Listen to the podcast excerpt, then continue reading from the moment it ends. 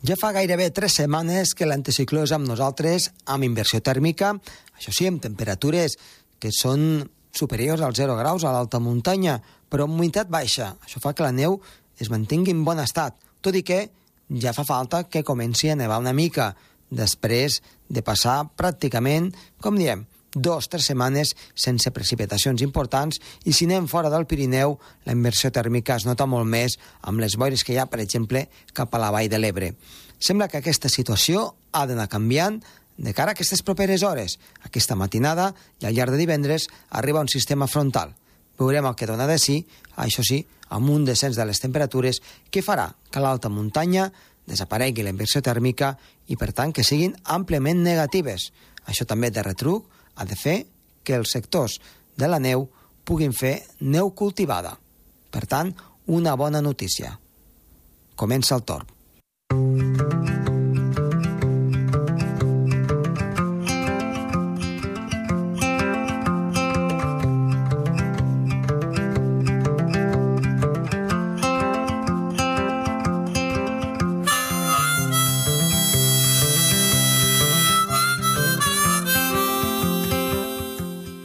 Doncs avui en el programa Tor parlarem amb en Gerard Tauler sobre aquest anticicló hivernal, sobre aquest anticicló que deixa aquestes boires a les zones més baixes de la depressió de l'Ebre amb unes temperatures doncs, molt poc per damunt dels 0 graus i fins i tot deixant gebre. I amb el sol que tenim aquí al Pirineu, però això sí, la humitat que hi ha a la vall de l'Ebre i a la zona de la Garona ens la treu a nosaltres perquè tenim unes humitats fins i tot a l'alta muntanya inferiors al 20%. Després eh, tindrem en Sergi Cartelés que ens parlarà del fred, però no del fred que tenim aquests dies d'hivern, un fred doncs, que potser està una mica atenuat per l'anticicló, sinó del fred com es forma i el fred en diferents llocs del món i en diferents situacions, no tan sols des del punt de vista meteorològic, sinó també geològic i en aquest cas també del fons marí. Som-hi!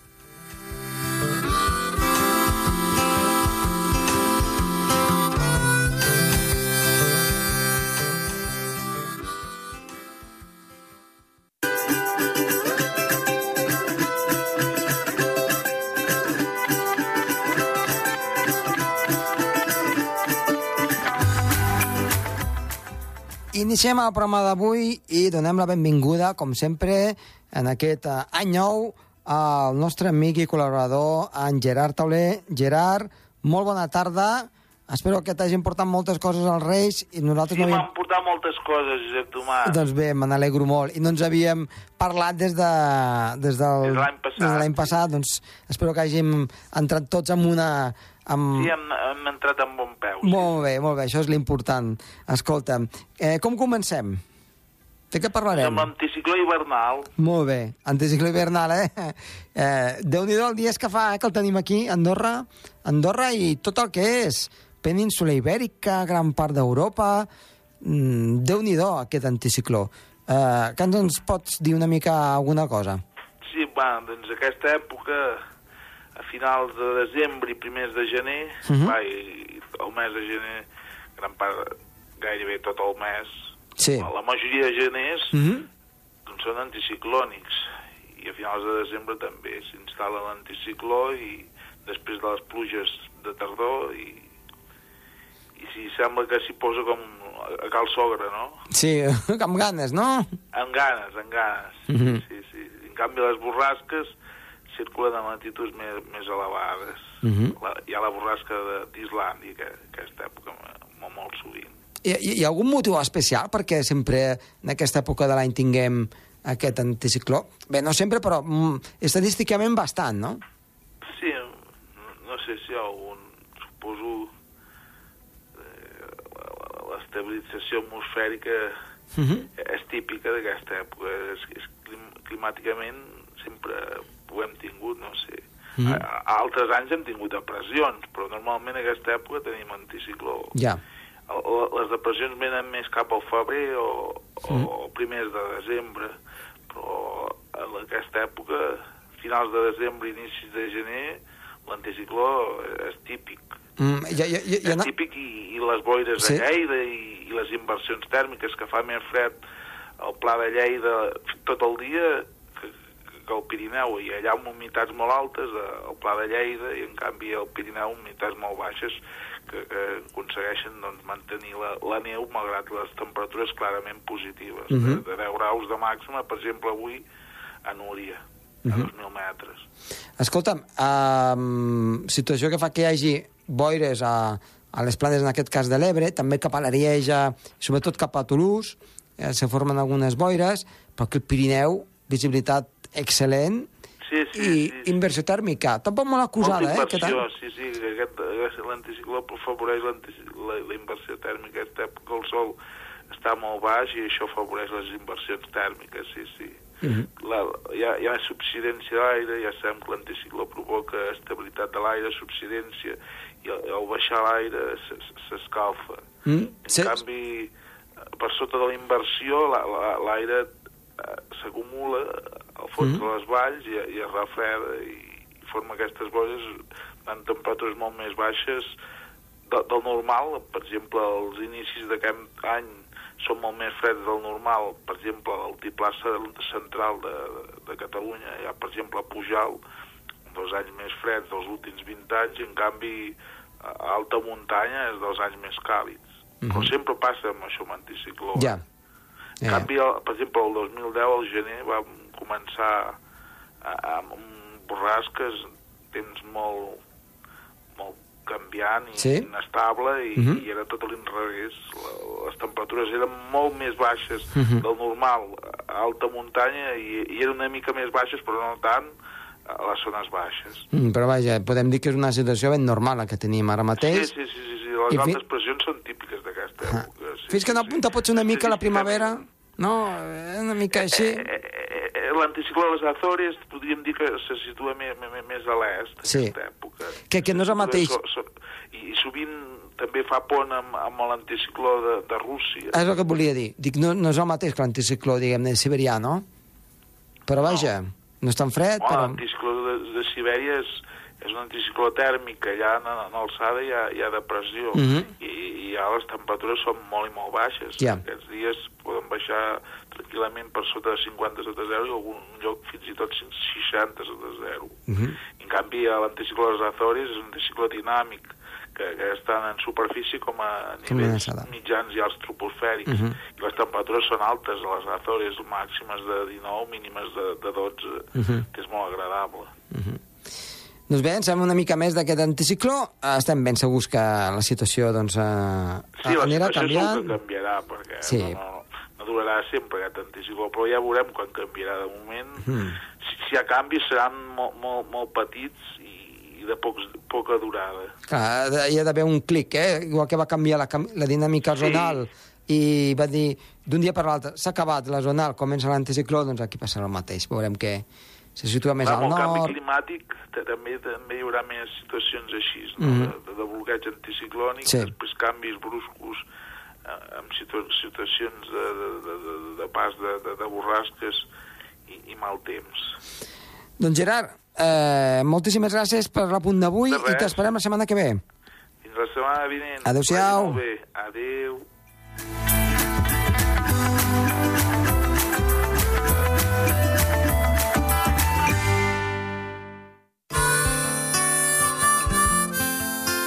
El Torb, amb Josep Tomàs.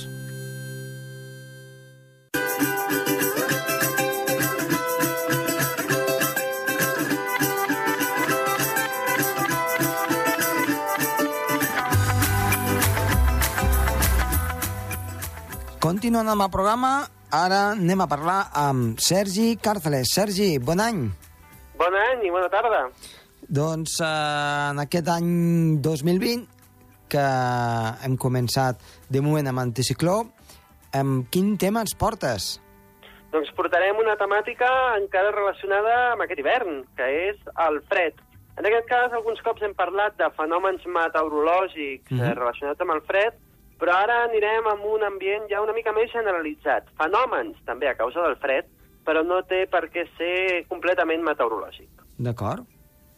Doncs mira, començarem parlant amb el primer fenomen meteorològic, que és el més comú a causa del fred, que és la neu, que ja coneixem tots, hem parlat bastant, amb 4 cèntims direm que és eh, o es causa eh, doncs, a través de la congelació de les gotes d'aigua i eh, aquestes gotes d'aigua congelades cauen de forma lenta perquè tenen poca densitat doncs, des, del, des dels núvols cap, a, cap al terra. Podem trobar neu, sobretot, a partir de 2 graus centígrads cap a baix, encara que també varia una mica eh, segons la humitat que hi hagi.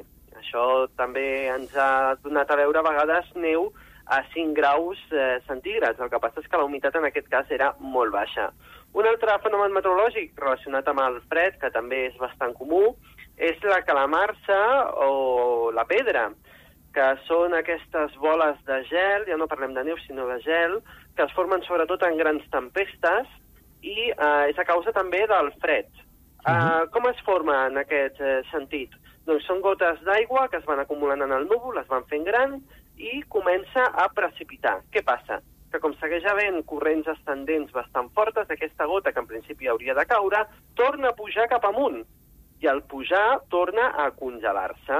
Aquest, uh, aquest procediment pot repetir-se diversos cops, amb el que fa que doncs, aquesta gota es congela i es converteix en aigua contínuament, però cada cop es fa més gran, creant al final una bola de gel que és suficientment gran com perquè aquestes corrents no la puguin tornar a pujar cap amunt perquè pesa massa i llavors baixa.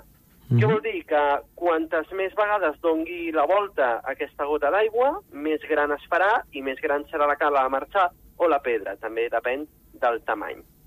Anem a explicar un altre fenomen que està relacionat amb el fred. En aquest cas parlarem d'un fenomen que és geològic i estem parlant del permafrost. El permafrost és un tipus de sol que sobretot està a les latituds altes uh -huh. eh, i es forma sobretot a zones, per exemple, Rússia, Sibèria, etc. Eh, què és el permafrost? Com diem, és una capa de sol, és un sol, un tros de terra, una capa que està justament a sota d'on camina la gent, que diríem com si fos gespa o com si fos terra, i a sota hi ha una capa de gel, una capa de gel molt, gra, molt gran, molt extensa, que eh, passa? Que eh, el que passa és que quan es fon per alguns eh, temes meteorològics o climàtics, es crea com una bossa d'aire, que és com... Eh, sí, una bossa d'aire hueca, diríem, que el que fa és sobretot eh, desprendiments i bé, han hagut alguns accidents sobretot d'edificis que han caigut a causa doncs, d'aquesta doncs, capa de gel que s'ha anat fent més fina a través de, de l'increment de la calor. Però, com diem, són, és un fenomen geològic que sobretot passa a Rússia uh -huh. i a zones on la temperatura és molt, molt freda, sobretot a l'hivern. Anem a parlar d'un altre fenomen. Un altre fenomen que, en aquest cas, eh, passa en el mar. Estem parlant dels eh, tornados de gel o dit, eh, li diuen també dit gelat o dit de la mort, Uh -huh. eh, és un fenomen molt estrany, eh, no està del tot investigat, encara que ja està per què es forma, i hem de pensar com si fos un petit remolí, un petit tornado, sí? però que es forma a la capa inferior del gel que està flotant a, a l'aigua, uh -huh. i aquest... Eh, Imaginem-nos un petit tornado que comença a baixar mica en mica fins a arribar al terra de l'oceà, a la sí. capa, eh, al sol de l'oceà. Uh -huh Uh, L'efecte que té aquest uh, remolí o aquest dit congelat és que toc, tot el que toca ho congela, i ho congela de forma immediata. Uh, estem parlant d'una diferència de temperatura de 20 o 30 graus, si ens imaginem, per exemple, que l'aigua uh, sota de...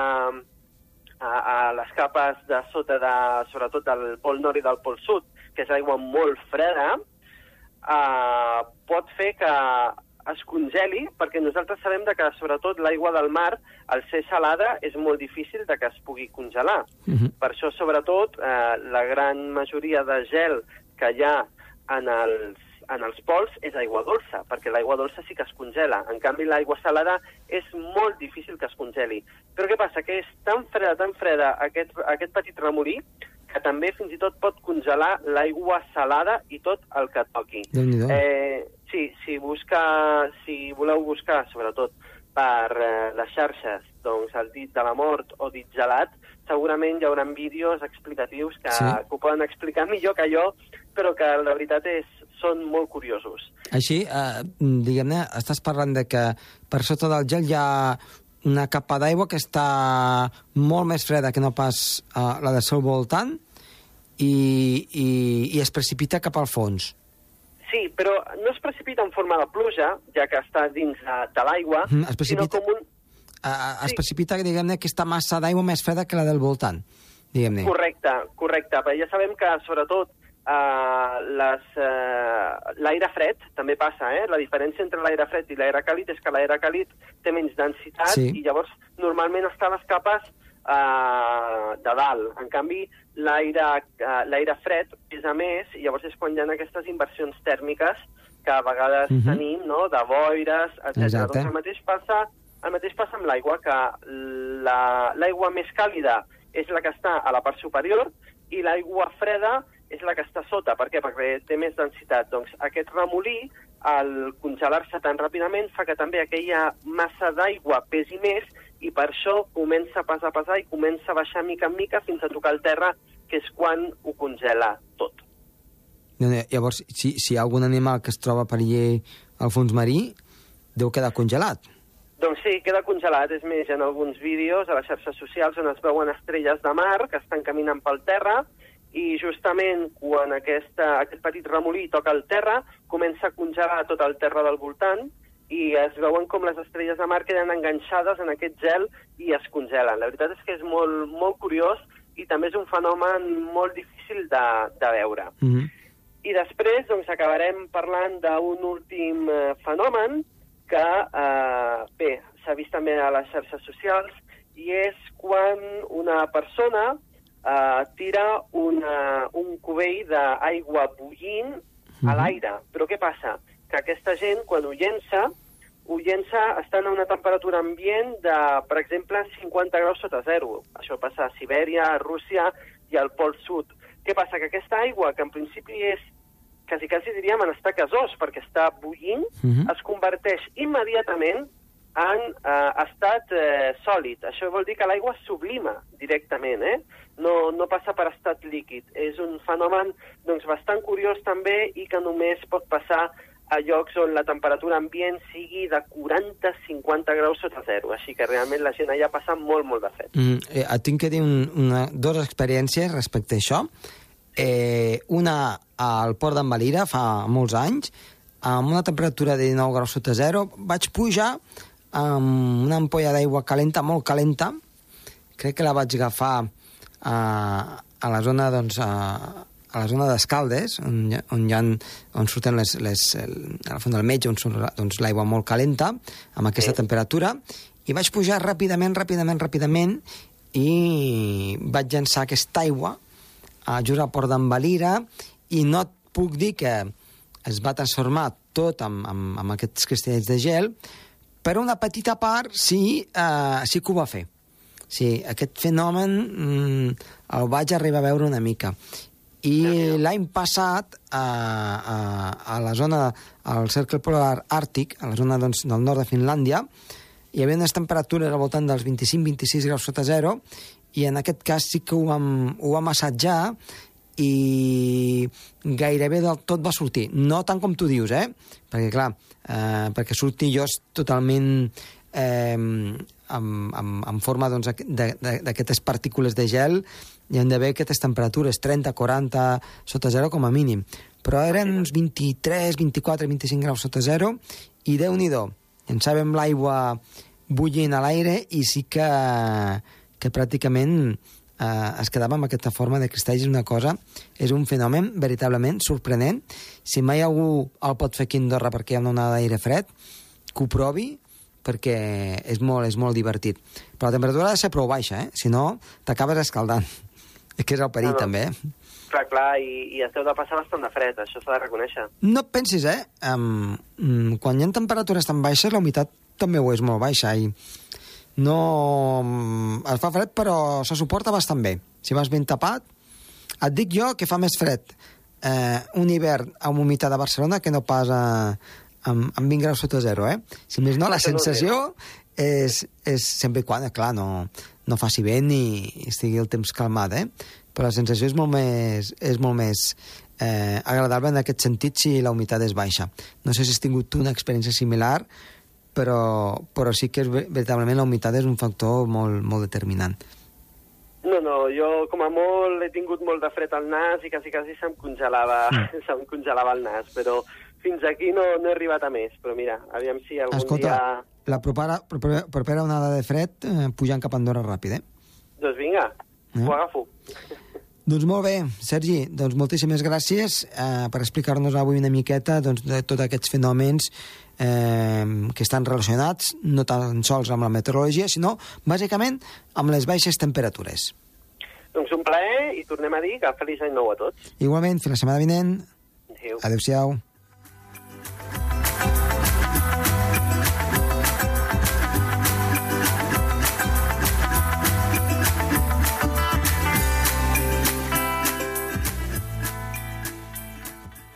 El Torb, amb Josep Tomàs.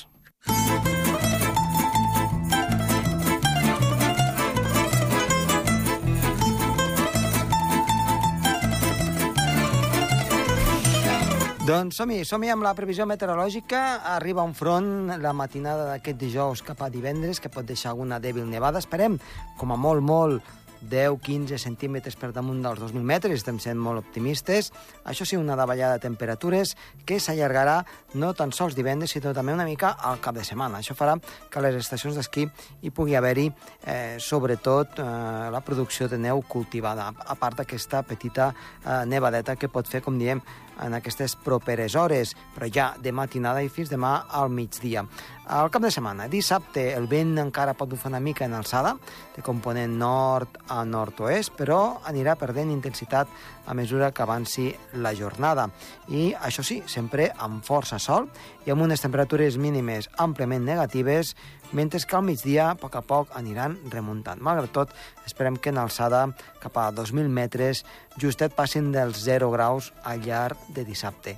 Diumenge, per contra, l'estabilitat ha de continuar amb nosaltres i les màximes pujarien una mica més, especialment a partir de primera hora de la tarda.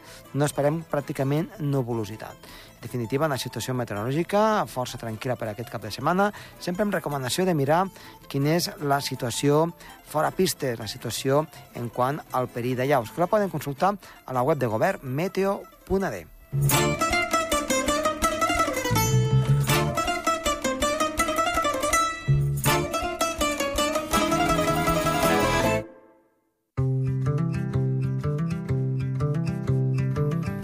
Doncs fins aquí el programa d'avui. Ha estat a les vies de so, Josep Tomàs i... Perdó, Josep Tomàs no, ha estat Oriol Truix, que els ha parlat de molt de gust. Josep Tomàs, ara sí, tornem la setmana vinent. Adéu-siau.